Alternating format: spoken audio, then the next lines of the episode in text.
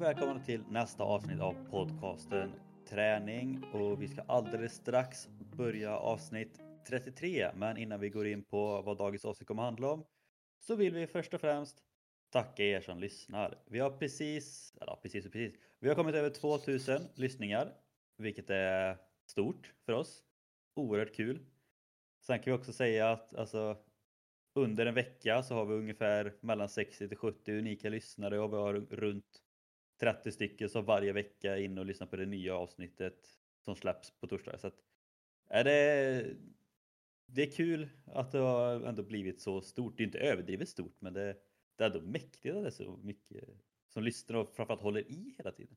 Mm, det är en liten hängiven grupp här som det är för er vi gör det då. Det är inte, de som inte lyssnar kan vi inte göra någonting för självklart. Men, eh, men det, är, det är som sagt det är kul och vi hoppas att det kommer mer folk till den här lilla familjen så har du släkt och vänner ge bort det här i julklapp tänkte jag säga. Det kanske inte är en jättebra julklapp men på julafton får ni banne mig prata om det här. Ja, och vi gick in och kollade lite förut också eh, och insåg att vi trodde ju typ att majoriteten av oss som lyssnade är liksom, ja men, runt omkring Skövde, Karlstad, liknande. Men så insåg vi att det är ungefär lika många från Stockholm som lyssnar som det är från Västra Götaland.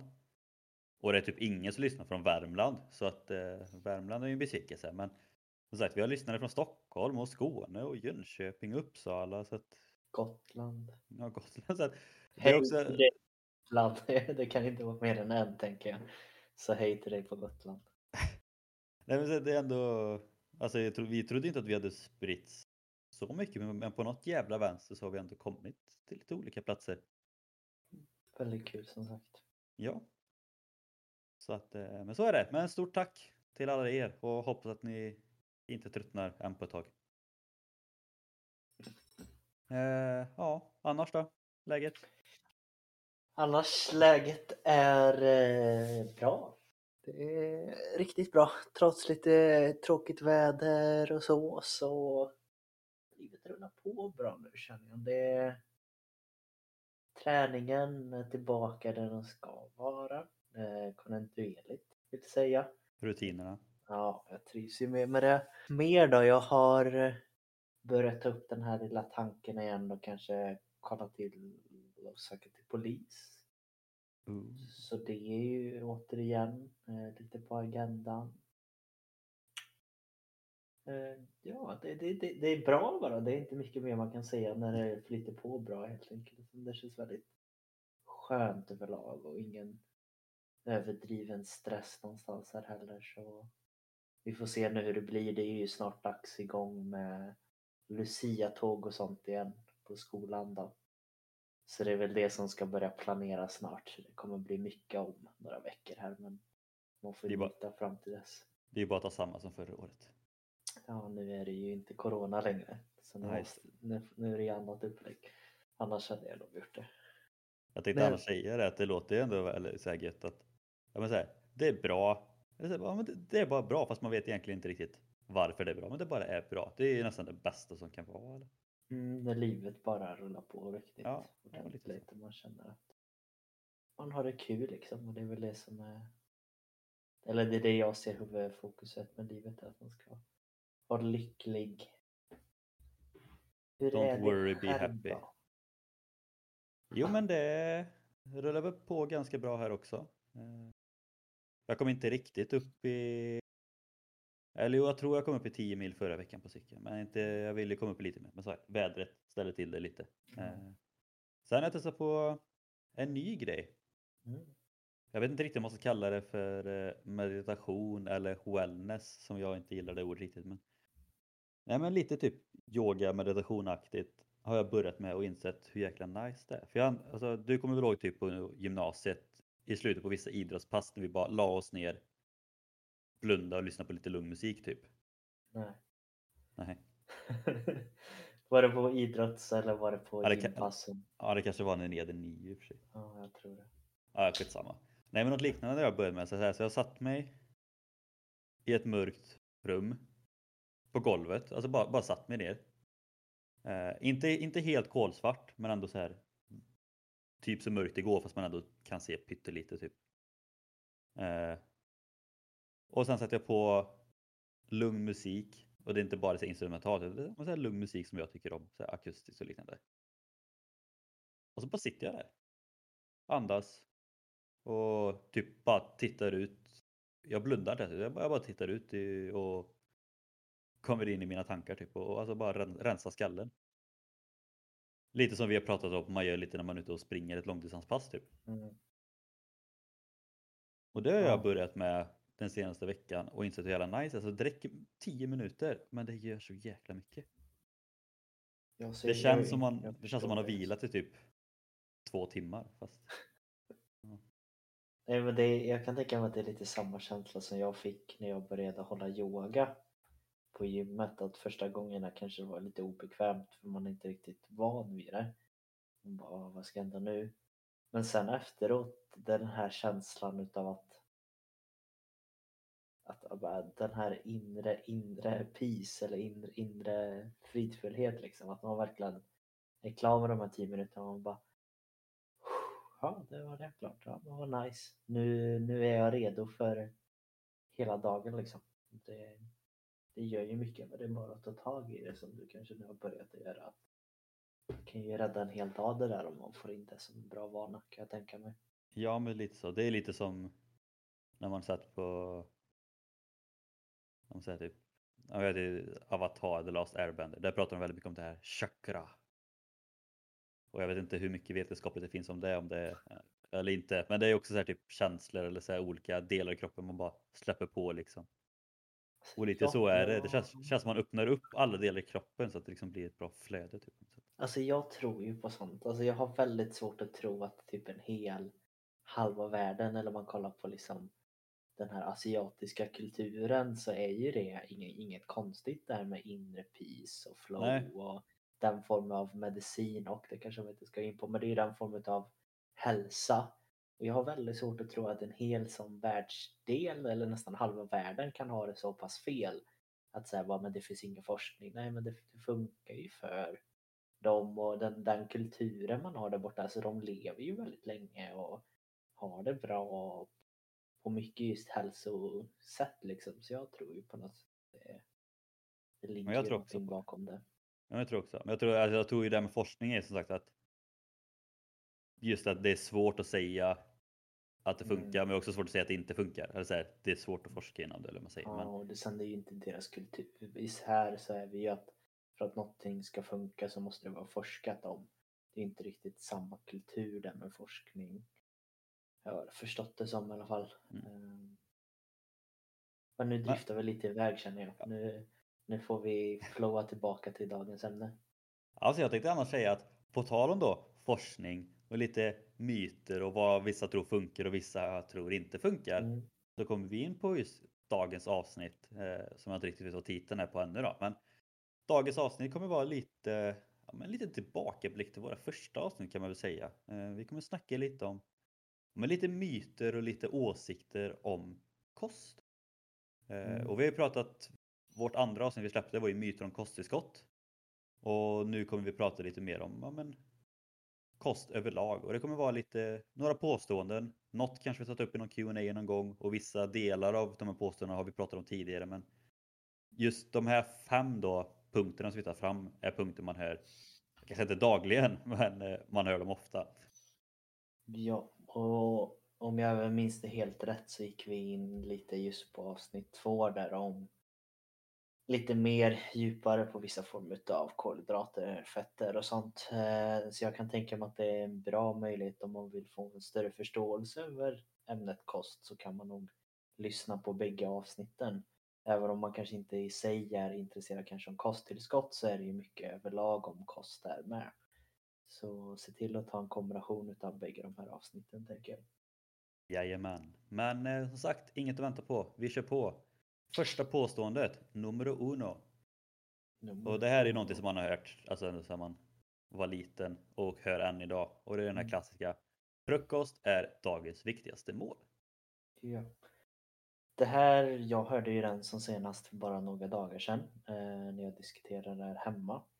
För jag har ju också alltid varit för den här punkten om man ska säga för eller emot. Att jag också har sagt tydligt att jag tycker att frukost är viktigt. Det är en av dagens viktigaste mål. Eh, och då får man kanske prioritera och trycka lite på är en av, har jag alltid sagt. Eh, och det är väl lite det jag tycker fortfarande, men nu så har det ju blivit lite ibland att jag inte riktigt äter frukost själv om man tar det från min egen del och det är någonting som har passat mig lite bättre för att hitta en liten balans i vikten just. Men nu är ju frågan här att är det här old påhittat i news eller finns det något vettigt bakom att frukosten är så pass viktig? Ja, alltså, och om man då ska ta det ordagrant, är frukost dagens viktigaste mål? Kort och gott, ja, för vissa, för vissa inte. Eh, men anledningen till att just det, den meningen blir så stor är ju främst för att ja, men, vissa kanske tycker att ja, lunch är viktigare eller typ ja, men middag är viktigare eller mellanmål är viktigast. Men den största skillnaden mellan alla mål är ju att när du käkar lunch, ja, när åt du något senast? Kanske ja, men två timmar sedan. Ja, när du äter middag, när åt du senast? Jag åt ett mellanmål för en och en halv timme sedan innan träningen eller efter träningen. Och här. Frukost just är ju det målet på dagen där vi har gått längst tid utan att äta någonting. För det är ju, då är nu vi precis har sovit så det kan ju vara allt från 6 timmar, 8 timmar, kan vara 12 timmar, kan vara 14 timmar liksom. Som sagt, ibland, vissa går ju liksom ett halvt dygn utan att äta någonting. Och det är därför många då säger just att frukost är dagens viktigaste mål. För att om man inte äter något på ett halvt dygn så behöver man ju få i sig energi. Ja. Eh, men om vi pratar lite som du och jag, eller så här, för du sa ju det själv att du själv har också tyckt att det har varit ett av de viktigaste målen för dig. För mig har det verkligen inte varit det. Alltså frukost har ju varit det målet av alla jag kanske käkar minst. Ja, men det är ju bara att kolla här liksom. Om man kollar skillnaden mellan oss två så jag ändå så tycker att vi ändå så kunnat prestera i det, det man ville när vi kanske åt frukost eh, samtidigt. Då tänker jag att kunde vi prestera i skolan, kunde vi prestera i på handbolls eller fotbollsplan eh, ja, det kunde vi väl. Det var inte så att någon av oss kände att oh, vi, vi har alldeles för lite energi och vi går sönder på grund av det. Och det kunde ju verkligen vara så pass stor skillnad de få gånger som vi faktiskt satt och åt frukost liksom med varandra. Att jag kunde ju liksom så här bunkra upp en hel mat för att så jag skulle hålla mig liksom nästan förbi lunch. Men för mig var det frukost, den behövde jag få i. Medan du kunde ju mer vara än att nej, men jag skippar hellre frukost och tar på lunch att vi kunde fortfarande ha lika mycket energi fast vi bara fick i oss det på olika sätt. Liksom. Ja, och det är, det är ju så, alltså vi har sagt så många gånger, många gånger förut. Vi människor är olika. Alla funkar på sitt egna sätt och det är samma saker det funkar med eh, energiförbrukning och metabolism och allting. Liksom. Alltså jag har alltid haft svårt att äta frukost, samma sak i skolan. Eh, jag käkar ju aldrig frukost innan jag gick i skolan utan ibland blir det på första rasten så blir det ett mellanmål liksom. Eh, Medan vissa äter både frukost innan de kommer till skolan vid jobbet och vissa äter även på jobbet och allting liksom. Så att, så att alla är olika, alla fungerar på olika sätt. Så att kort och gott, för vissa är ju sagt frukost dagens viktigaste mål och för vissa är det inte det. Men, eh, men man, kan, man ska ändå inte säga att frukost är ett dåligt mål för att, så att frukost är väldigt viktigt för de flesta. Alltså, för majoriteten är ju frukost viktigt just för att komma igång, få energi jag nämnde ju det för dig lite här innan att alltså vissa dagar när inte jag äter frukost, då är jag ju jävligt seg fram till lunchen. Sen käkar jag så stor lunch för att jag inte har käkat frukost, vilket innebär att jag får matkoma efter lunchen istället. Vilket, alltså, till skillnad från vissa andra kanske käkar en lätt frukost, tar ett mellanmål, en lätt lunch, så att de kanske käkar fler gånger på en dag, men de tar mindre portioner, vilket innebär att de håller sin, sin energinivå, sin sockernivå på en mer stabil nivå. Medan för mig är det ofta att jag kanske ligger på en låg nivå, sen kommer det en jäkla spike i mitten av dagen och sen på, och på kvällen liksom. Ja. Alltså det, det, det jag skulle säga just kring frukosten, för det är inte heller, jag tycker ändå så på ett sätt att man inte ska glorifiera eller så här eh, hypa upp för mycket att det, man måste inte äta frukost utan man vet, det finns ju även forskning vet jag att eh, där det är att frukostätare har generellt sett visar sig i flera studier att de har lägre BMI och även mindre frekvens eh, metabola sjukdomar. Men jag skulle inte säga att det beror kanske inte just på att de äter, att de äter frukost just utan det är kanske mer det du, det du nämnde lite det här att vad, vad händer när man inte får i sig energi eh, under en längre tid? Det blir ju att man, man söker generellt sett de här pikarna lite mer. Det här till exempel med småätandet eller att man överkompenserar och äter liksom jättesnabbt eller mycket på lunchen. Och sen så småäter man lite igen för man har fått i sig maten ojämnt och det är väl det som med träning också att generellt sett så är ju struktur och hålla måltiden närmare varandra eh, enklare att kunna få eh, en form av kontroll över. Och det är väl kanske det lite som blir största skillnaden. Sen så skulle jag väl även säga att någonting som jag vet funkar för många och det är om man tar från dig det som kanske är en av de som inte riktigt har ätit under längre tid lika mycket frukost och även så som jag gör nu. Det är att oftast kan det ju mer vara den här känslan av illamående, inte lust att äta på morgonen och den kan jag ju förstå. Men för de allra flesta kan det ju vara då även där att man istället för att äta frukost så kan man ju äta kanske ta med sig en macka eller frukt eller sånt kanske på så här nirasten som ändå så många brukar ha. Och då är det så här, kallar man det frukost eller nirast? Det vet jag inte men jag tror även det skulle vara nyttigt för många att kunna säga att ändå så hålla en jämn konsumtion av mat liksom. Så gjorde jag till exempel i skolan. Jag hade ju alltid med mig en macka, eller så gick jag till kafeterian och köpte kanske en macka och käka på första eller andra rasten. Liksom. Och det är som du säger, är det frukost då eller är det mellanmål? Det är egentligen skitsamma och det är också det som är kanske det viktigaste med det här att alltså om frukost är bra eller dåligt. Det är inte om, det är inte om vad, alltså, vad frukost är eller vilken tid på dygnet Nej. man äter det utan det är ju som, det är ju som du säger, det är ju allt runt omkring som, som gör om det är bra eller dåligt. Det är lite som den myten med att man går upp i vikt om man äter efter klockan sex på kvällen typ. Mm. Det är lite samma sak här. Det är inte så att du mår bättre eller sämre för att du äter innan klockan sju på morgonen utan Nej. det är allt runt omkring som spelar roll. Sen så är det också någonting som vi har tryckt på innan att anledningen till att det har blivit så här frukost är eh, dagens viktigaste mål det är för att hela samhället har valt att anpassa sig efter en viss håll av människor, morgonmänniskorna. Lite där vi pratade om att det här med, om man inte hörde det så kan man lyssna på det. Vi får länka det i så fall. Men där skillnaden mellan de som var vakna på morgonen och vaktade grottan då, man var grottmänniskor, och de som var vakna på natten och vaktade grottan där och stammen liksom att vi har ju anpassat oss efter en av personerna och den är ljust. Vilket mm. är på ett sätt logiskt för man kan, när man ser ljust så kan vi ju göra mer självklart. Men det är ju lite samma där att skolan börjar ju tidigt. Och då kanske det är så här att då har man ju anpassat efter att man ska äta frukost tidigt. Och det har man ju också sett vet jag på studier att barn som äter frukost har generellt sett lite enklare att hänga med har jag för mig på lektionerna vilket kan vara rimligt. De som inte äter kanske blir lite griniga eller de kanske åt lite dåligt innan. Men hade man skjutit upp allting, det är liksom så här då hade det kanske varit annat. Eh, då kanske de andra hade haft svårt eh, om de hade ätit frukost för att de åt det för tidigt. Alltså det, är så här, det, det, är verkligen som du säger, det hänger inte kanske just på målet eller att man måste äta gröten och filen utan det är logistiken runt som är det viktigaste. Liksom. Så kort och gott kan man ju säga så här, ja, men är, är, är frukost dagens viktigaste mål? För vissa, för vissa inte. Mm. Och är det något du ska tänka på själv så Så jag sagt att, ja men återigen, gå upp tidigare för att äta frukost eller om det är att ta med till jobbet eller om ni personligen känner bättre själva att nej men för mig funkar det med lunch och lite mellanmål och middag liksom. Det... Mm. Och har du inte testat det, tänker att man inte riktigt har, eh, kan man inte riktigt uttala sig på samma sätt. Om man bara testat en grej då kan man inte säga att andra är dåligt för du har inte testat det. det exakt. Bra.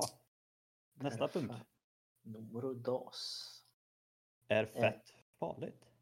Ja du, det, det här kanske är ändå så det dagen, ja, kan, ja det, alla, alla är väldigt att man har hört om mycket annars hade de inte hamnat här för första gången.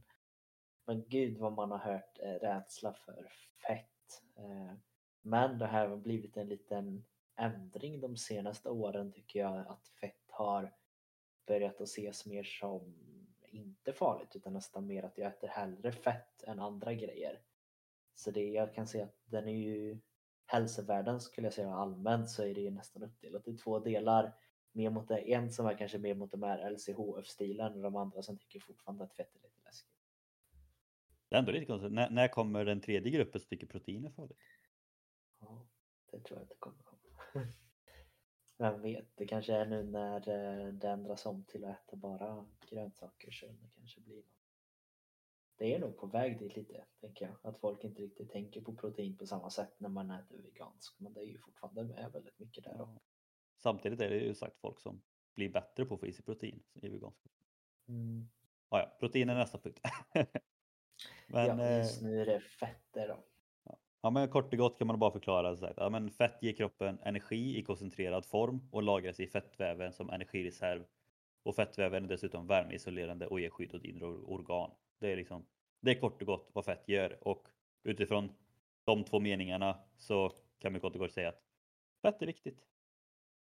Ja, alltså det är ju det. Det har ju framförallt bra med energi i sig så det är någonting som är bra att äta men sen får man även tänka på andra faktorer som till exempel att fett är faktiskt till för att skydda kroppen och skydda inre organ och sånt som är viktigt att inte de ska gå sönder. Och, så det har ju en funktion, fettet på kroppen. Det är inte bara, och även fettet man äter, att det finns en anledning till varför vi äter det.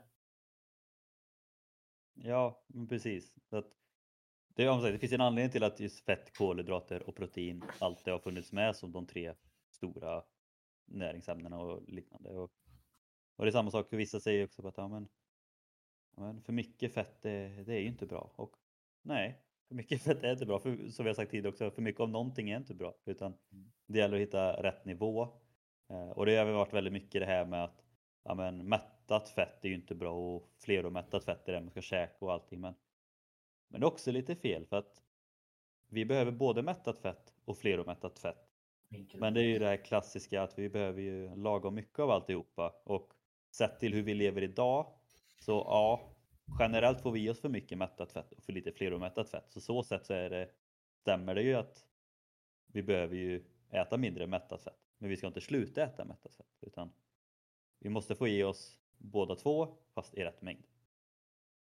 Ja, och undrar man då kanske lite vad det här är och det kanske Sverige är ju väldigt alltså, duktiga tänker jag säga, men det, vår kultur har gjort att det blir ganska enkelt för oss att få i oss eh, mättat fett. Och det, får, det är ju från, vad ska man säga, jag tappar ordet bara på det, mejeriprodukter och sånt.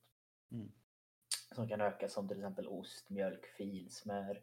Eh, det är ju någonting som har blivit en del av vår kultur just. Kollar man skillnaden kanske standard eller om man ska säga det om man jämför kanske något som jag är inne väldigt mycket nu asiatiskt mot, mot svensk kultur eller nordisk kultur så är det ju mer att nordisk kultur är mer den här såserna, fettet, matlagningsgrädden. Det är det som höjer liksom höjer smaken medan mot asiatiska så är det kanske mer kryddorna och det kryddstarka som är mer till för. Och det är väl kanske lite, det finns säkert en väldigt bra förklaring. Jag skulle kunna tänka mig att det är kallt i Norden så man behövde lägga på sig kanske lite fetter och sånt. Och det var enkelt på ett annat sätt och sen vet jag även att kryddor dödar bakterier och sånt i de andra. Men det ska vi inte gå in jättemycket på men det har ju liksom blivit den kulturen så vi har liksom väldigt lätt att få i oss eh, mejeriprodukterna så det är något man kan tänka på men undrar vad det är. Tar man med mot det här som vi behöver kanske få i oss eller som vi inte får i oss lika mycket. Det kanske är den här enkelmättade fetterna eh, som finns till exempel i fisk eller olivolja och nötter och så. att eh, Det är inte riktigt den kulturen heller. Eh, viss form av fisk självklart men det är det vi kan ta i lite mer i kroppen. Ja, men alltså, det är inte jättemycket att säga om den här egentligen mer än att kort och gott sagt fett är viktigt, alltså både för att skydda kroppen men även som energikälla. Och som sagt, det är viktigt att få i sig både eh, mättat fett, enkelomättat och fleromättat. Eh, för att få i sig liksom, sagt, all variation. För det är, ja, lite i alla ämnen finns det olika varianter av det och kroppen vill ju ha lite av allting, lite smått och gott. Mm. Men som sagt just det att vi i dagens samhälle kanske får i oss lite för mycket av det här mätta fett som du sa det med mejeriprodukter, ost och lite så här fett, kött och lite allt sånt. Och, och bakverk och allt sånt där. Medan vi får i oss för lite av som sagt fisk och nötter och lite sånt. Ja, och någonting som jag också vet att svenskarna är ganska mycket på det är som du sa, de här, det är de här charkprodukterna. Är någonting som är ganska stort här och det är ju kanske med den här den feta salamin och Ja men när man tänker på en charkbricka det är ju i princip bara den fetten som man kanske äter för mycket av. Om man tänker på en ostbricka, vad är det som finns? Ost, fett, kött, korvar, Mm. olika former av smör. Alltså det är ju bara fett på fett på fett på fett liksom. Så det, det är ju en intressant grej att det ändå har blivit så. Men jag tror också varför den här myten har kommit upp om att fett, eller fett är farligt. Det är ju dels, för kollar man kanske, om man går in på kalorimässigt så vet jag ju att eh, fettet har mer kalorier i sig om man till exempel per gram då. Eh, då, då är det lite mer kalorier i det får man jämföra med kolhydrater. Det är nästan Det är dubbelt så mycket, eller mer än dubbelt, så mycket. Ja, det är Ja, någonstans. Fett har 9 gram, per, Mm. eller 9 kalorier per gram, medan kolhydrater och protein har 4. Så det är liksom dubbelt nästan där. Och det är väl det som blir lite att, ah, men hur, hur ska jag tänka här? Och någonting som man också får tänka just med, med, med det feta, varför det har fått den här igen, att oh, det är farligt, det är för att man vet att både fett och sött, eh, just de smaken smakerna eller vad man ska säga, det, det är svårt för kroppen och eller hjärnan mer att säga nej till. För den får en kick utav att det är mycket kalorier i fett till exempel. Ett väldigt praktexempel på det här, något som ska vara absolut svåraste kanske för kroppen att säga nej till, det är ju när det kanske går form av glass. Och det är också faktiskt en mejeriprodukt. För där har man ju slagit ihop blandningen mellan fett och får den här krämiga och fina och sen så glassen söta med socker och allting. Och då får man ju det här kanske extra svåra att säga nej till. Eh, och det är även väldigt lätt att få tag i. Eh, men det är så här, kollar man saker, om man ska äta igen en vanlig husmanskost, då tror jag inte rädslan hade funnits så mycket. Men det var mer den här att nu kan du gå ut på stan och få tag i i princip fett med fett med fett. Och då blir det ganska kaloririkt och det är billigt för de som gör det så då slänger de dit ännu mer fett vilket gör att man får i sig en riktig kaloribomb men inte så mycket annat liksom. Jag tror som du sa det, så att käkar man en helt vanlig husmanskost så behöver man inte vara orolig för att man får i sig för mycket fett. Liksom. Det är ju alla de här extra goda grejerna bredvid. Men Mm. även där, jag sagt, det är olika från folk till folk beroende på hur mycket man äter. Men, sagt. men fett är sagt, det är viktigt för oss. Men det är bara att se till att man inte får i sig för mycket. Ja, i princip så. Punkt tre, numero tres. Spanska lektioner. Ja. Eh, ät massor protein för att bli stark. Och sen är det ju dessutom ett väldigt bra plus om du äter väldigt mycket proteinpulver och det här är någonting som man brukar höra väldigt ofta. Jag brukar kalla den den klassiska gymbro-hjärnan tänker Åh, protein, och lufta tungt, och protein. And that's it.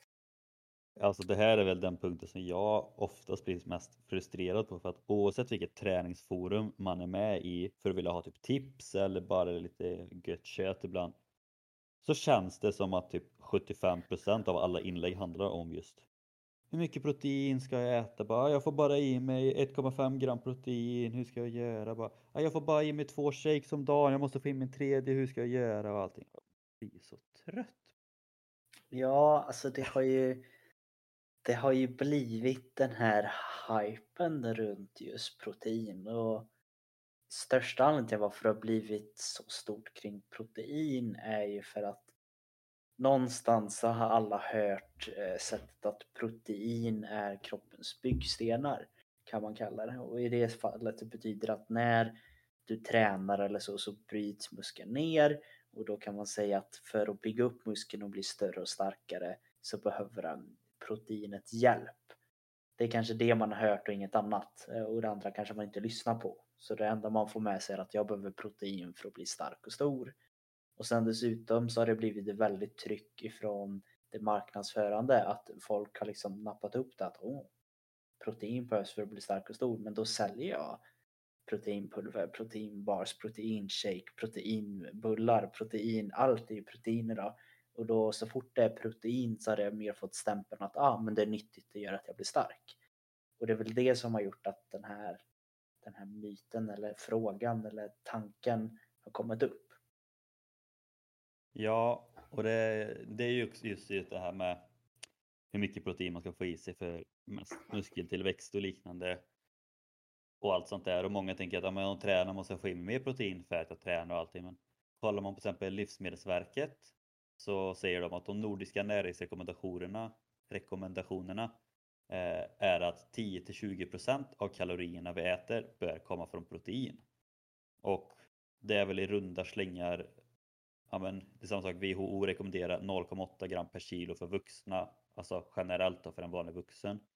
Och, när, och sen säger de också, alltså, för folk som tränar så är det ju mer. Alltså de skriver här att för elitidrottare kan det vara så högt som 1,4 till 1,8 gram per kilo kroppsvikt.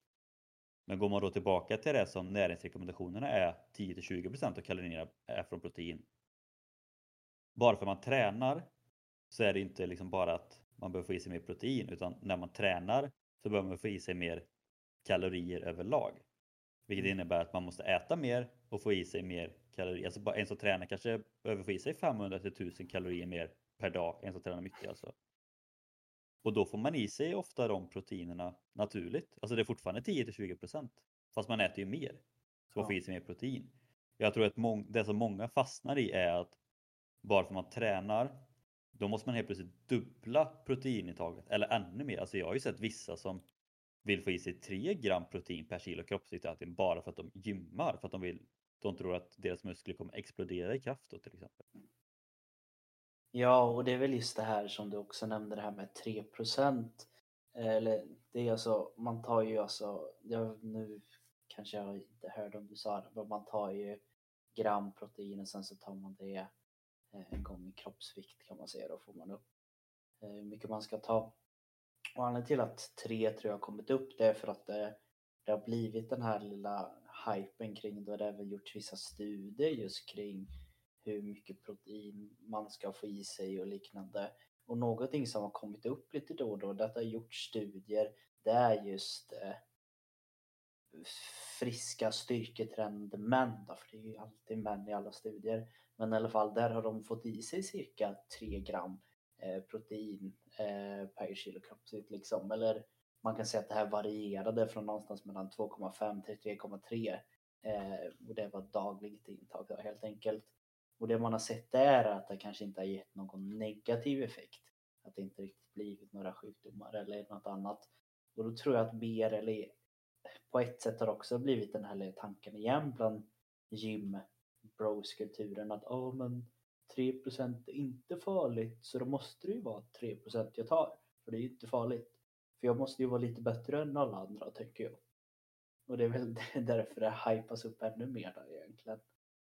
Eh, men någonting som kan vara bra att veta det är att sen så ska man inte säga att ha protein inte alls viktigt som vi har sagt tidigare utan ibland kan det ändå så behövas att man drar upp protein intaget. Eh, det är ett bra exempel på det kanske bland äldre eller folk som har generellt lågt energiintag.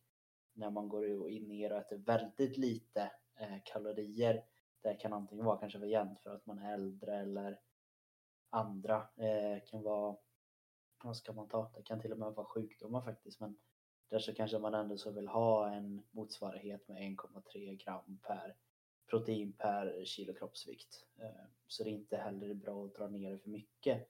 Vilket jag tror att många kan bli lite anti och kanske nästan försöka göra ibland. Alltså det som, alltså det som jag stämmer mest på, det måste jag säga, sagt, att äta protein för att bygga muskler, så här, men det, det är så. Att, och att folk vill få i sig mer protein, det, det är ju helt fine och så här, framförallt när det är utifrån rekommendationer och sådär. Men det som jag stämmer mest på är just det här med med pulvret och att det är så jäkla många som fastnar i just det här med att ah, shit, jag måste komma upp i 1,4 eller i vissa fall 2 gram per kilo kroppsvikt. Jag måste det för annars kommer inte jag få några gains. Mm. Vilket innebär bara att shit, nu måste jag få i mig typ tre shakes om dagen. Och jag har ju läst massa exempel i sådana här träningsgrupper där vissa har sagt typ så jag bara Ja, alltså jag käkar ingen frukost för det tycker jag inte om och så käkar jag eh, kyckling till lunch på jobbet och sen tar jag en proteinshake innan jag åker och tränar efter jobbet. Men jag har verkligen ingen energi när jag tränar. Och jag har testat massa olika proteinshakes och allting, men jag har verkligen ingen energi. Då blir man så bara, nej. För det första, du får inte i dig någon energi om du inte käkar frukost, som vi nämnde innan. Mm. Eh, ja, du käkar lunch, det är bra. Eh, men från lunch, vad kan lunch, när käkar man lunch? Halv tolv, tolv typ. Och, och sluta jobba fyra, fem. Ja men fyra, fem timmar så kanske tar ytterligare en halvtimme innan man är på gymmet. Och det enda du har fått i dig från lunchen tills du ska träna är en proteinshake som ger dig protein, men inte så jäkla mycket mer.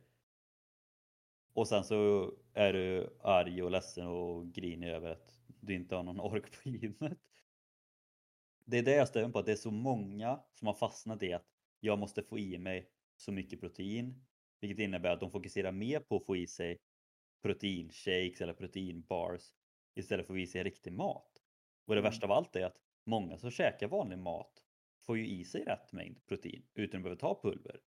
Men då blir det som du sa, det det blir ett sån high och nästan lite lurendrejeri med det här med proteinpulver. Att tar man inte proteinpulver, då, nej, då, då kan det Tränar du verkligen då? Ja men, ja men lite så har det blivit. Medan alltså, ja, men egentligen alla som äter normalt kostintag får ju i sig rätt mängd protein, alltså egentligen utan, utan problem. Sen är det klart att vissa behöver kanske lite extra för att komma upp till rätt mängd som de behöver. Men, Mm.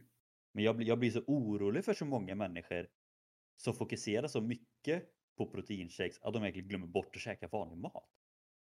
Ja, alltså i grund och botten så är det ju vanlig mat som kommer att bygga eh, upp, eh, upp dig om man, om man har som mål att bli stark eller bli hälsosam. Sen så det som jag nämnt tidigare och det är att proteinpulver ska mer vara ett intag som du tar när du inte riktigt kan ersätta det med vanlig mat. Och det tror jag många har svårt att fatta, men vad är vanlig mat då? Men det är inte så att kommer du hem och du har tid innan du ska gå och lägga dig så tänker du att jag orkar inte laga mat. Jag tar ett proteinpulver. Det är inte riktigt så du ska tänka. För det är det du säger att folk väljer bort vanlig mat. Du har tid att laga mat och har du inte det så får du väl prioritera faktiskt att laga ordentlig mat. Det som kanske skulle kunna vara just det här det är väl enkelheten utav att istället för att kanske ta med sig två matlådor säger vi till jobbet. Eh, för du ska ha en på lunch och sen kanske du borde egentligen haft i dig någonting innan eller efter gymmet för att du har en och en halv timme reseväg hem. Då hade det kanske varit optimalt att ha med sig en macka eller så. Nej, då kanske i nödfall hade det kunnat vara bra att få i sig just proteinpulver. Så man ska ju mer kunna se det som en extra tillgång eh, och kunna hjälpa en om man missar ett vanligt mål. Det ska inte vara att det här ska ersätta ett vanligt mål utan missar jag ett vanligt mål för det inte gick att få in det, ja då måste jag fixa det. Och sen så någonting som du också måste vara väldigt källkritisk till om du sitter här nu och lyssnar bla bla bla bla bla, kolla på de här.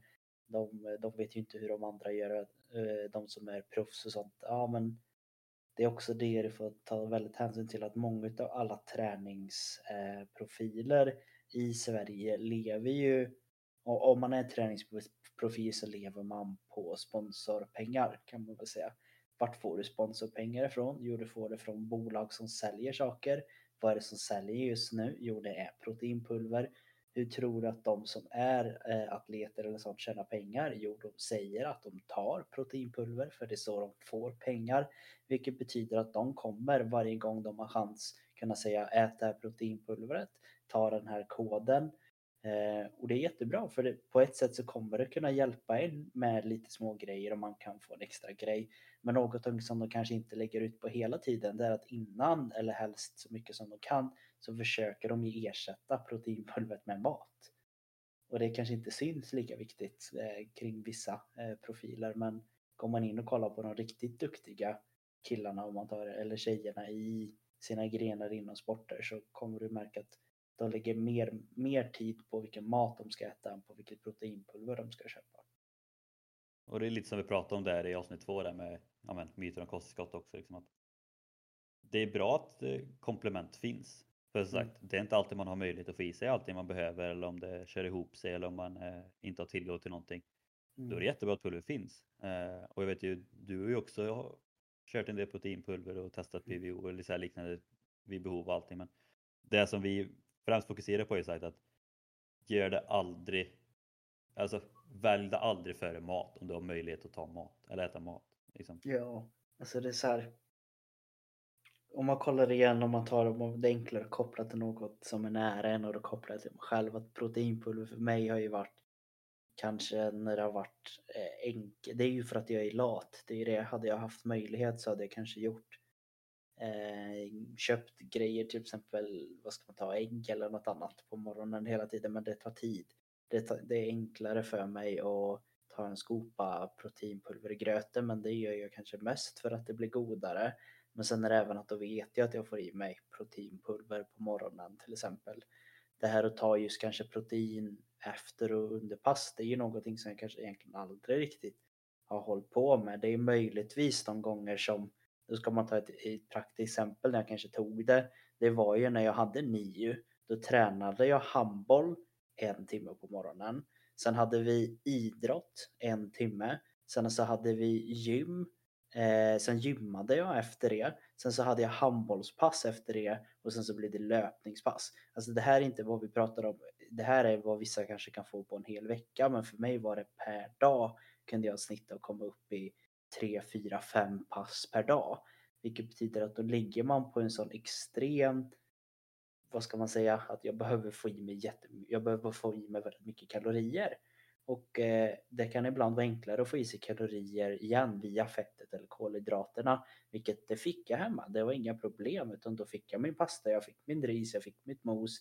Jag fick lite extra till det men det var svårt för mig att ha med mig mat hela tiden mellan skola, gym och träning. Och då kunde det ibland vara smidigare att ha med sig mat plus en shake till exempel. Men det är igen, det var för att hade det funnits en restaurang eller att jag hade kunnat laga mat med mig hela tiden, då hade jag ju tagit det alla veckan. Liksom.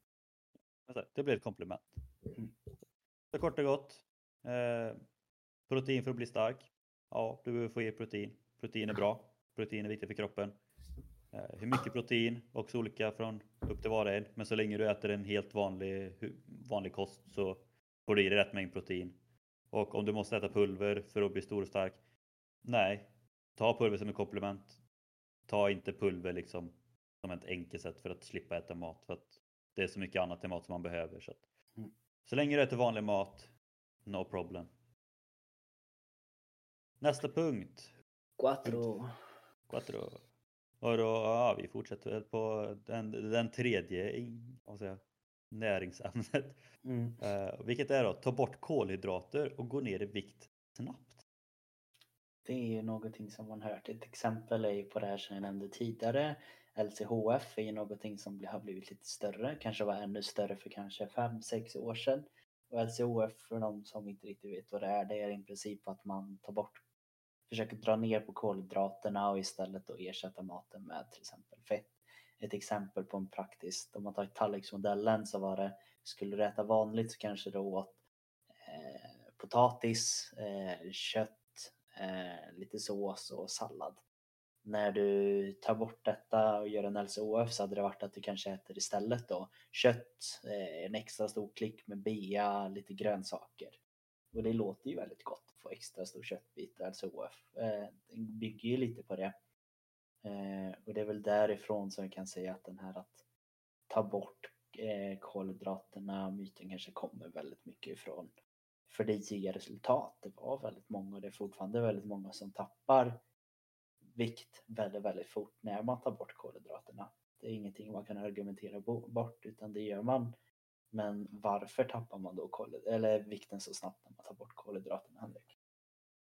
Det är främst om man är kortfattat, det är att kolhydraterna binder till, eller kolhydraterna, molekylerna binder till sig vatten mm. i kroppen.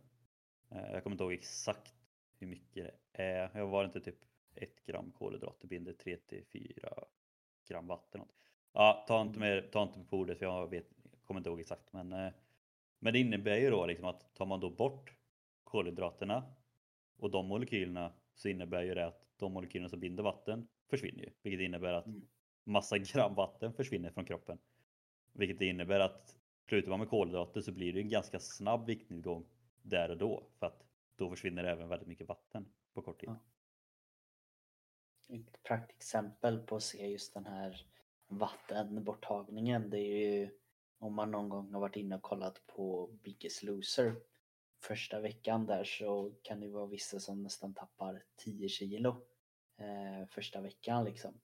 Och det brukar ju vara för många den här bara, wow, 10 kilo, det, det är sjukt mycket, tänk hur mycket fett du har tappat nu. Men det kan ju, när man är så stor som väldigt många är och som de allra flesta är när de kanske går på att nu måste jag gå ner snabbt.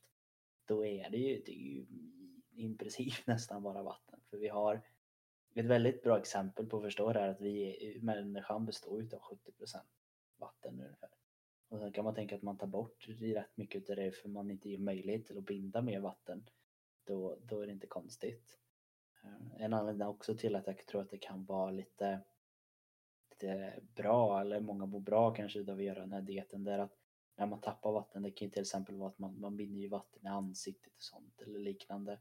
Och då kan det ju vara att i ansiktet och på kroppen så kan det ibland bli efter första veckan ganska synliga resultat inom parentes att oj vad jag ser smalare ut. Ja men det är ju för att du tappat vatten i ansiktet och liknande. Jag går lite snabbt där. Eh, varje gram kolhydrat eller glykogen då, binder 2 till 4 gram vatten. Mm.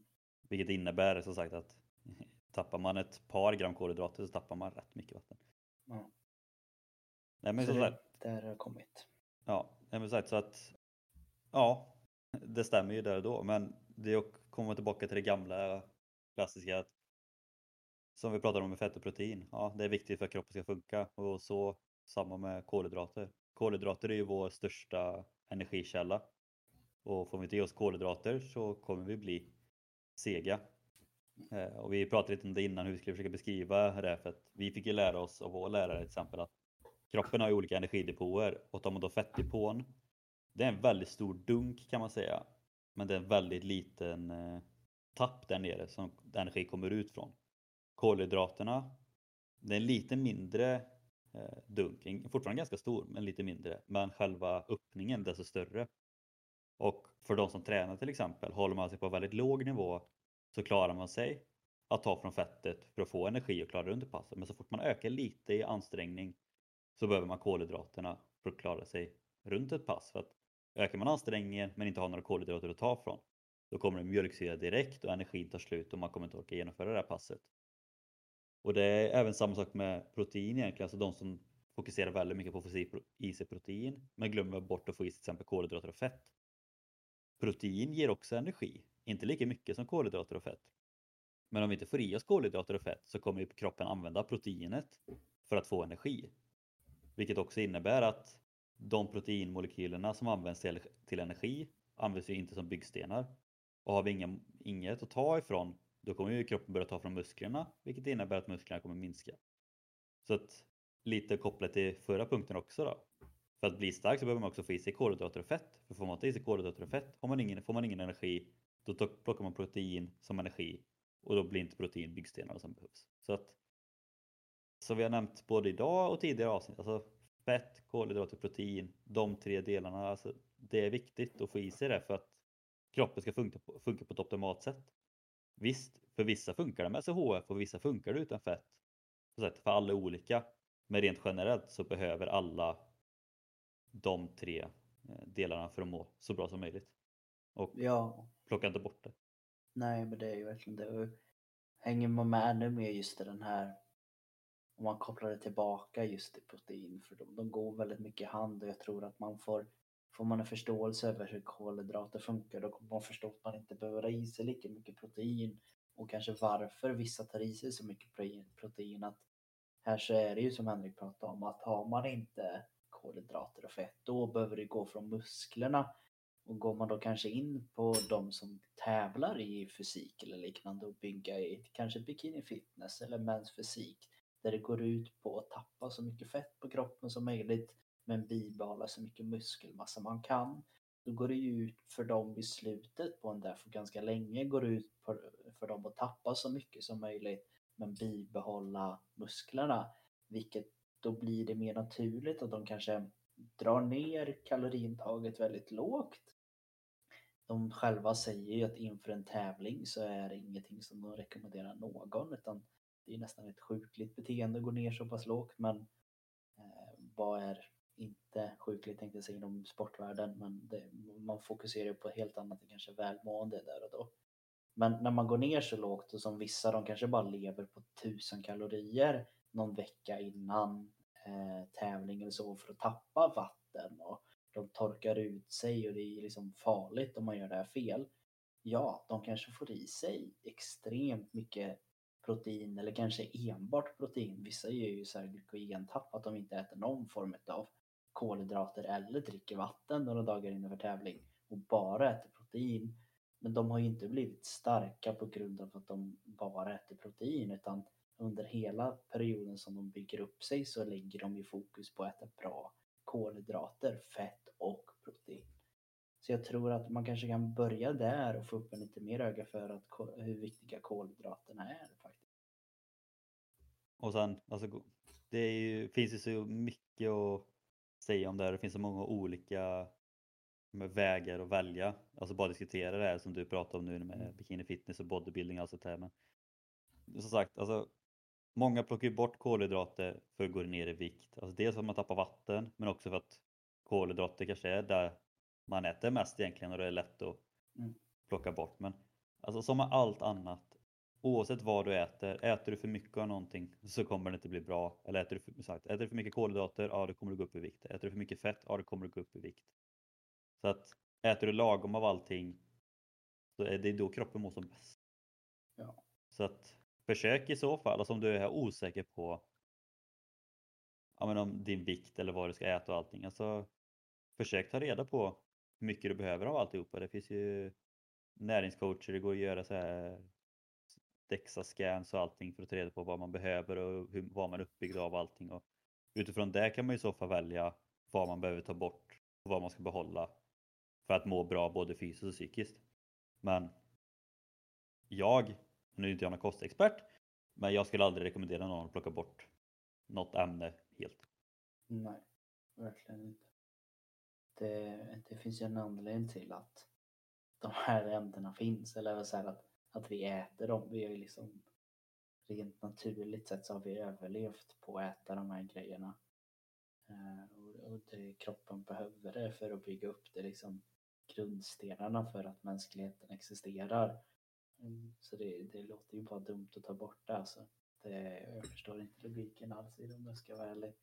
Sen det man kan ställa en, en, en, fråga just om kolhydrater, det är samma där som jag pratade om fettet, att kolhydrater är ju en form av socker och socker har man hört det dåligt av, men vad det är. Men det är mer igen att fettet och eh, kolhydraterna ger enklare belöningar till hjärnan för att till exempel sött och fett vet man ger de effekterna i hjärnan att mm, jag vill ha mer, jag vill ha tillbaka. Men igen, det är inte just kolhydraterna som är farligt utan det är de, eh, vad ska man säga, de produkterna som man köper som är med gjorda eh, för det sättet att kicka igång eh, de känslorna som till exempel godis, chips, glass, pizza, där, där, där, där, där, där, där. Och igen, eh, det är väldigt enkelt att få tag i, det är väldigt billigt och betyder det oftast att de vill sälja mer utav det för att ju, ja, de vill ju gå runt, de är företag som lever på det. Och det är därför som man kan sälja de här sakerna billigt då. Så är det, det kanske mer fokus att lägga på att tänka vad man äter och varför man äter köpt mat varje dag inte få rädslan för kolhydraterna där heller. Då. Lite klassiskt här också att om man lagar sin egna mat vet man vad man stoppar i sig förhoppningsvis. Och då blir det oftast bra. Ja, du, du, kommer få väldigt bra resultat bara du börjar laga maten mycket själv. Och är det svårt så har jag två alternativ. Ett, skaffa en partner som är duktig på att laga mat. Det är en väldigt klassisk. Eller två, försök att bara få lite form av förståelse för vad kost är. Så lovar jag att du kommer tycka att det är mycket roligare att laga mat. Och god mat är alltid gott att äta. Och då, då kommer du inte bry dig riktigt på samma sätt heller. Jag tror att de flesta som lyssnar här har ändå något form av intresse för träning och hälsa så då borde man ju vilja få lite förståelse. Mer än vad vi eventuellt ger här. Mm. Bra! Sista punkten då? Cinco Cinco. nyttigt är alltid bra. Ja. Hur kom den här frågan upp, Henrik? Ja, vi satt ju och letade lite, ja, men lite myter och liknande. Sen hittade ju du lite olika så här, exempel på ja, men nyttiga saker och vad de innehåller för kalorier och lite onyttiga saker och vad de innehåller för kalorier. Och sen så började vi prata om den här klassiska avokadotoasten framförallt. Så vi insåg att ja, så nyttigt kanske inte det alltid är. Fast det ändå Mm. är nyttigt. Ja, Avokadon men, är nyttig men själva toasten kanske inte blir så nyttig i slutändan ja, det är ju verkligen det den här igen. Fitnessindustrin har ju byggt upp märket för att äta bra idag är ju inte att man ska få i sig rätt, rätt ämnen eller vad man ska säga. Det är inte riktigt det som spelar roll utan i den här fitnessindustrin idag så är det ju de här grejerna att det ska ett, det ska helst vara från ett välkänt märke. Två, det ska se bra ut. Det är ju det man mer går på idag än vad man faktiskt får i sig. Ett väldigt bra exempel på det här är ju till exempel den här avokadotoasten. Dels för att det blir fint med det gröna, man kanske lägger på lite rädis eller lite annat så att det blir den här fina enkla mackan liksom. Och det är därför den har blivit så stor och man tänker avokado, men det är ju typ en frukt. Ja, men då måste det vara supernyttigt. Och det, det, är, det är nyttigt. Men det är ett exempel och den bilden till exempel som jag fick upp om man bara ska prata rent kalorimässigt då. Då går man på den första sidan och här har vi en bild på en medium avokado, alltså en, inte en stor och inte en liten utan en mellan avokado och man har 40 gram brown toast, alltså någon form av fullkornstoast. Det här gör man till en snygg macka och man tänker gud vad nyttig jag är. Och sen så kollar man på personen bredvid då. Vi kan nästan tänka jag och Henke. Skulle jag tänka att jag sitter där med avokadomackan och försöker att vara nyttig och bra. Medan Henke sitter där med sin Nutella-macka. Med Åh. 20 gram Nutella och 40 gram vit toast. Då tänker man ju med en gång att men vad gör Henrik? Eller han sitter ju där, har noll koll. Han förstår väl att det där är en kaloribomb. Men tar man bara skillnaden mellan de här avokadomackan och Nutella-mackan så har Nutella-mackan 230 kalorier i sig. Vilket ändå så är en ganska mastig macka. Men tar man, kal tar man kalorierna på till exempel avokadomackan då får man i sig 330. Och Det det, är väl det vi vill komma till och prata lite om. ja, och det roligaste här är ju sagt att då är ju också den stora frågan, ja, men vad, är, vad är det som är nyttigt? Är det, är det de med minst kalorier som är nyttigt? Eller är det det med mest näringsämnen som är nyttigt? För det är också det, så när det kommer till just det här med vikt framför allt så är det ju det många tänker ju så här, om en kalorier, det, ju mer Mm. kalorier desto, desto farligare är det. det. Nej, mycket kalorier ska man inte äta liksom, det, för då går man upp i vikt. Men om man då jämför de här mackorna, jag sagt, en vit toast med Nutella på, hur mycket näringsämne den har kontra den avokadotoasten med både avokado sagt, eh, frukt, innehåller mycket bra vitaminer och allting och sen ett fullkornsbröd kanske innehåller lite extra fibrer och allting. Så att mer kalorier, ja men det är inte så bra då tänker man. Men så tänker man ja, att man kanske får i sig lite mer vitaminer, lite fibrer och lite kolhydrater och fett och, det så här. Man får, och protein och ja, man får ändå i sig bra grejer men ja, fast mycket kalorier det är inte bra. Liksom. Vad, vad ska man välja då? Ja, alltså ett väldigt praktiskt exempel på det här och det är lite så som jag har fattat och förklarat för vissa ibland att när man är rädd för kalorier eller vad som är nyttigt, inte nyttigt. Den här argumentationen det är att i princip så hade, vi tar det, vi tar Henrik igen som eh, exempel att Henrik kommer till mig och säger jag vill äta det här, det där, det där. Vi kommer fram till att ja, men det kanske är bra att han får i sig 2000 kalorier per dag, tänker man. Och då har Henke gått runt och tänkt, ja men 2000 kalorier, det, det känns rimligt liksom. Men sen säger jag så här till Henrik, ja men du ska bara få i dig de här kalorierna genom att äta lösgodis. Henrik kanske tycker att det låter, mm, det lät gott. Första dagen kanske det är väldigt roligt. Men sen helt plötsligt så är de här 2000 kalorierna i bara godis inte alls något man vill göra. Men du får ju fortfarande i dig 2000 kalorier, du ska ju gå ner i vikt då, det är ju det vi har räknat ut. Eller hur Henrik? Ja men allt annat då? Och lite där när man drar det till en extrem att det kanske inte bara kaloriantalet som är viktigt utan det är ju allt annat runt omkring och som är extremt viktigt liksom. Jag tycker det exemplet är så roligt för jag, jag vet inte om du kommer ihåg det men jag vet det, eller Random Making Movies gjorde ett Youtube-klipp Ja, på det. De det skulle minns äta jag. bara godis och det var så här chokladbars och godis och sånt En under en hel vecka. Ja, usch. Jag tror ju två av de fyra slutade väl efter eh, redan under första dagen. Jag tror en, Ja. en slutade äh, den som klarade sig längst klarade sig typ tre dagar. Mm. Men de mådde ju så dåligt. Alltså redan under första dagen så hade de ingen energi. De mådde dåligt. Kroppen höll på att stänga av totalt. För att det inte är några direkta näringsämnen i det. Ja. Och det är väl Sen- det vi pratar kanske mer om de här tomma kalorierna. Att det kanske är mer att ja, men det är kalorier men behöver du verkligen få i dig det? Eller när det blir mycket kalorier, är det bra saker? Ja, men det är ändå så, du ska ju ändå så få i dig 200 kalorier. Det är inte så att du bara kan skippa och äta alla kalorier för du vill gå ner i vikt. Då kommer ju kroppen brytas ner på annat sätt. Liksom. Har du kvar det exemplet som du drog för mig där med nötten och mangon och Ja, eh, det ska jag ha. För det är också ett väldigt bra exempel på det här med vad man tror innehåller mest kalorier och vad som egentligen innehåller mest kalorier. Fast som kanske ändå är bättre. Ja, men alltså så här, som ett exempel så kan det ju vara det här att här kör en bild där de har pratat om en, en hälsosam snacks. Så tar de på ena sidan inom parentes och på den andra sidan när de tagit en dålig dag. Det betyder att en nyttig snack som du egentligen ska äta varje dag säger man eller en bad day cheat day att det här är en hel dag. Det är allt du kanske äter på en hel dag. Det är inte alls bra. Och då kanske man kan börja med den dåliga dagen och då kan jag säga så här att du kommer att äta en Big Mac. Du kommer att dricka en low, color, eh, low calorie eller zero calorie Fanta. Du kommer att äta en low calorie Mars bar och en low calorie Twix bar. Och du kommer att äta fyra stycken eh, low calorie eh, kakor. Det här är kanske vad man kan få i sig på en hel dag tänker man och man låter med en gång att men det är ju hamburgare och läsk och kakor och godisar. Det låter ju jättedåligt. Ja, det är kanske första synen man får på den. Eh, sen går man över till den här goda snacket då, någonting som man kanske har hört från sin många PT skulle jag väl också kunna säga, men många som kan sin grej säger de på nätet att det här är perfekta snacket för dig.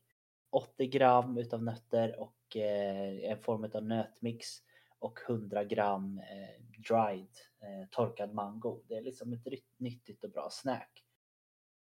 Då får man jämföra en hel dag, en helt dålig fuskdag och en hel bara en snacks på en dag. Kollar man rent kalorimässigt så ligger den hela dåliga dagen ligger på bara 864 kalorier. Och då vet du hur mycket du fick i dig. Du fick i dig godis, hamburgare, läsk, kakor. Men det här jättenyttiga snackset som alla säger att det här måste du äta.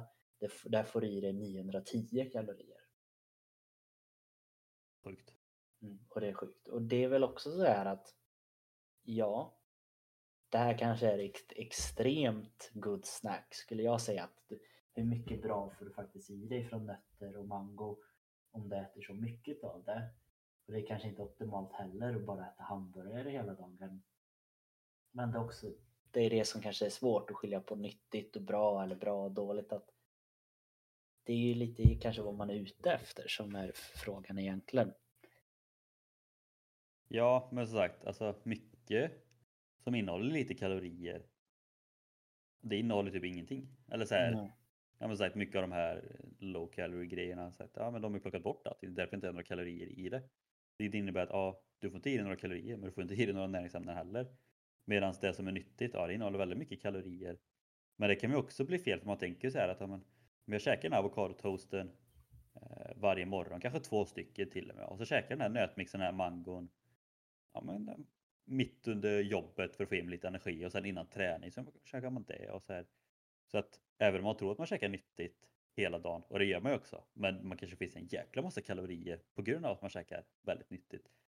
Så att alltså det gäller ju att återigen koll på vad man stoppar i sig och inte bli förlurad av att ja, det här är nyttigt, det är bra, det är jättebra, men det kan Mm. fortfarande innehålla mycket kalorier. Så att om du inte vill gå upp i vikt kanske du inte ska äta jättemycket av det nyttiga heller liksom. Nej, det är ett annat jättebra exempel som jag vet att många kanske gör det här när de börjar att äta nyttigt. Att vi tar den här avokadomackan igen och vi tar, vi tar en vanlig dag och låtsas bara att avokadomacka, yes, nyttigt. Och sen är jag ju på diet också. Jag tar ju gärna en eh, sallad.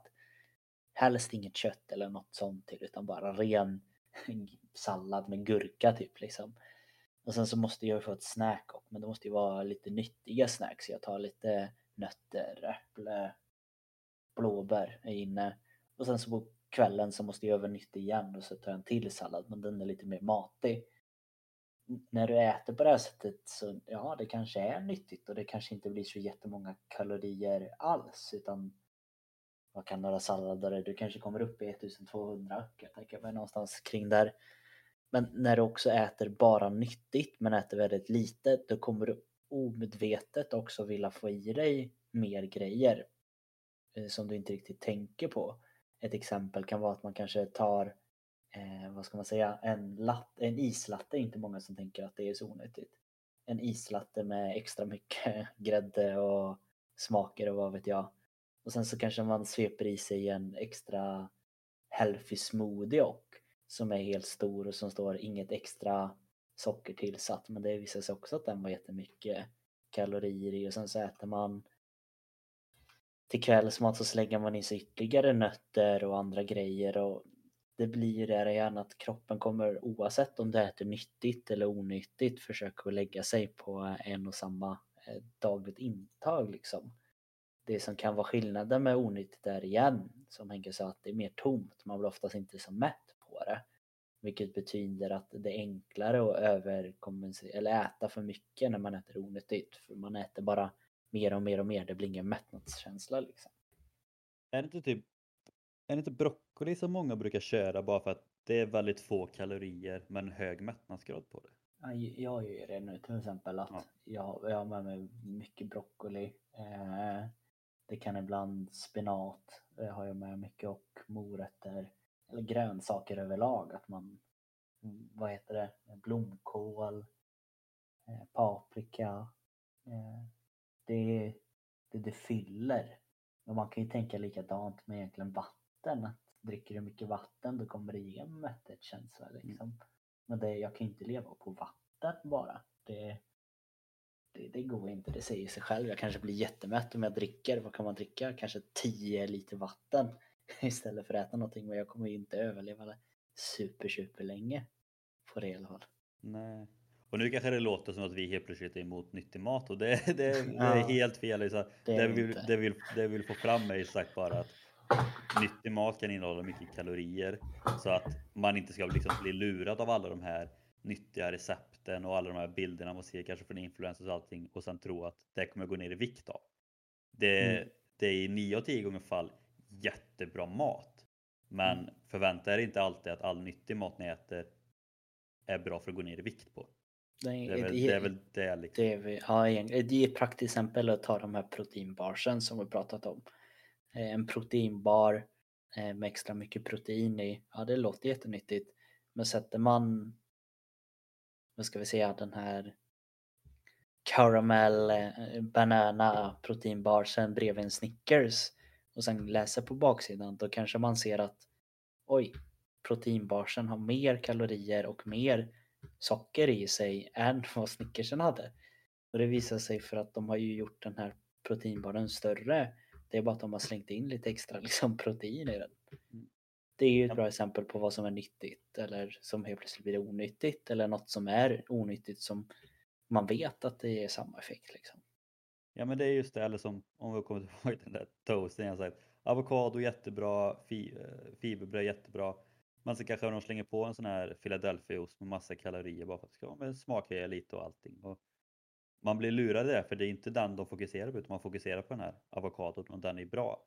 Mm. Så att verkligen se helhetsbilden också. Och det så vi har nämnt många gånger att hela tiden ha det kritiska synsättet mot egentligen allting. Som sagt, nyttig mat är bra. Det är därför det heter nyttig mat. Men Mm. som sagt, det kan innehålla mycket kalorier så att om ditt mål är att gå ner i vikt så kanske inte all nyttig mat är det bästa för att gå ner i vikt. Fortfarande ska jag äta nyttig mat, men det gäller att hitta vilken nyttig mat som innehåller minst kalorier i så fall. Mm. Men det ger bäst mätthetskänsla. Ja. För du kommer ju vara hungrig oavsett vad när du har kaloriunderskott. Och på tal om hungrig, nu känner jag att jag börjar bli hungrig så att eh, men vi kanske ska runda av där. Ja men det låter bra. Vi har ju ändå så varit inne och rört eh, alla de här fem punkterna ganska rejält ändå tror jag. Eh, man Mycket får- känslor har det varit. Ja, mycket känslor. Men Mycket irritation. Men det är ju för att, för att de här ämnena är någonting som lurar majoriteten utav folk som kommer in i träningsvärlden. Och det är det som gör att träningsvärlden blir komplicerat. På grund utav de här personerna eh, och Eh, uttalandena så blir folk förvirrade. Och det är även det som gör oss som är, jobbar inom de här områdena förvirrade och på ett sätt. För att helt plötsligt kommer det någon och säger ja den här studien säger det. Ja men det är ju för att ett proteinbolag släppte studien för att de skulle sälja sitt protein bättre typ eller så. Ja men alltså ha alltid ett kritiskt synsätt mot allting. Alltså oavsett om det är mot vänner, om det är mot influencers eller om ni är med i någon sån här träningsgrupp. Alltså även mot oss. Ha alltid ett kritiskt synsätt. För som Sebastian sa precis att bara för man hittat en studie som säger någonting så finns det minst en studie som säger motsatsen. Alltså Mm. forsk- många forskare styr ju som sagt sina studier utifrån vad de vill få fram. Och det finns alltid studier som säger olika saker. Så att, att komma med en studie och säga att ja, den säger så. Det, det är inte alltid som att det är liksom bara att ja, okej då är det så. Utan det, ofta så, är ju, så stämmer ju studier. Men så att, ha alltid ett kritiskt synsätt och försök hitta, ja, men är det någonting i den här studien som kanske inte är hundraprocentigt. Liksom. Ja, faktiskt.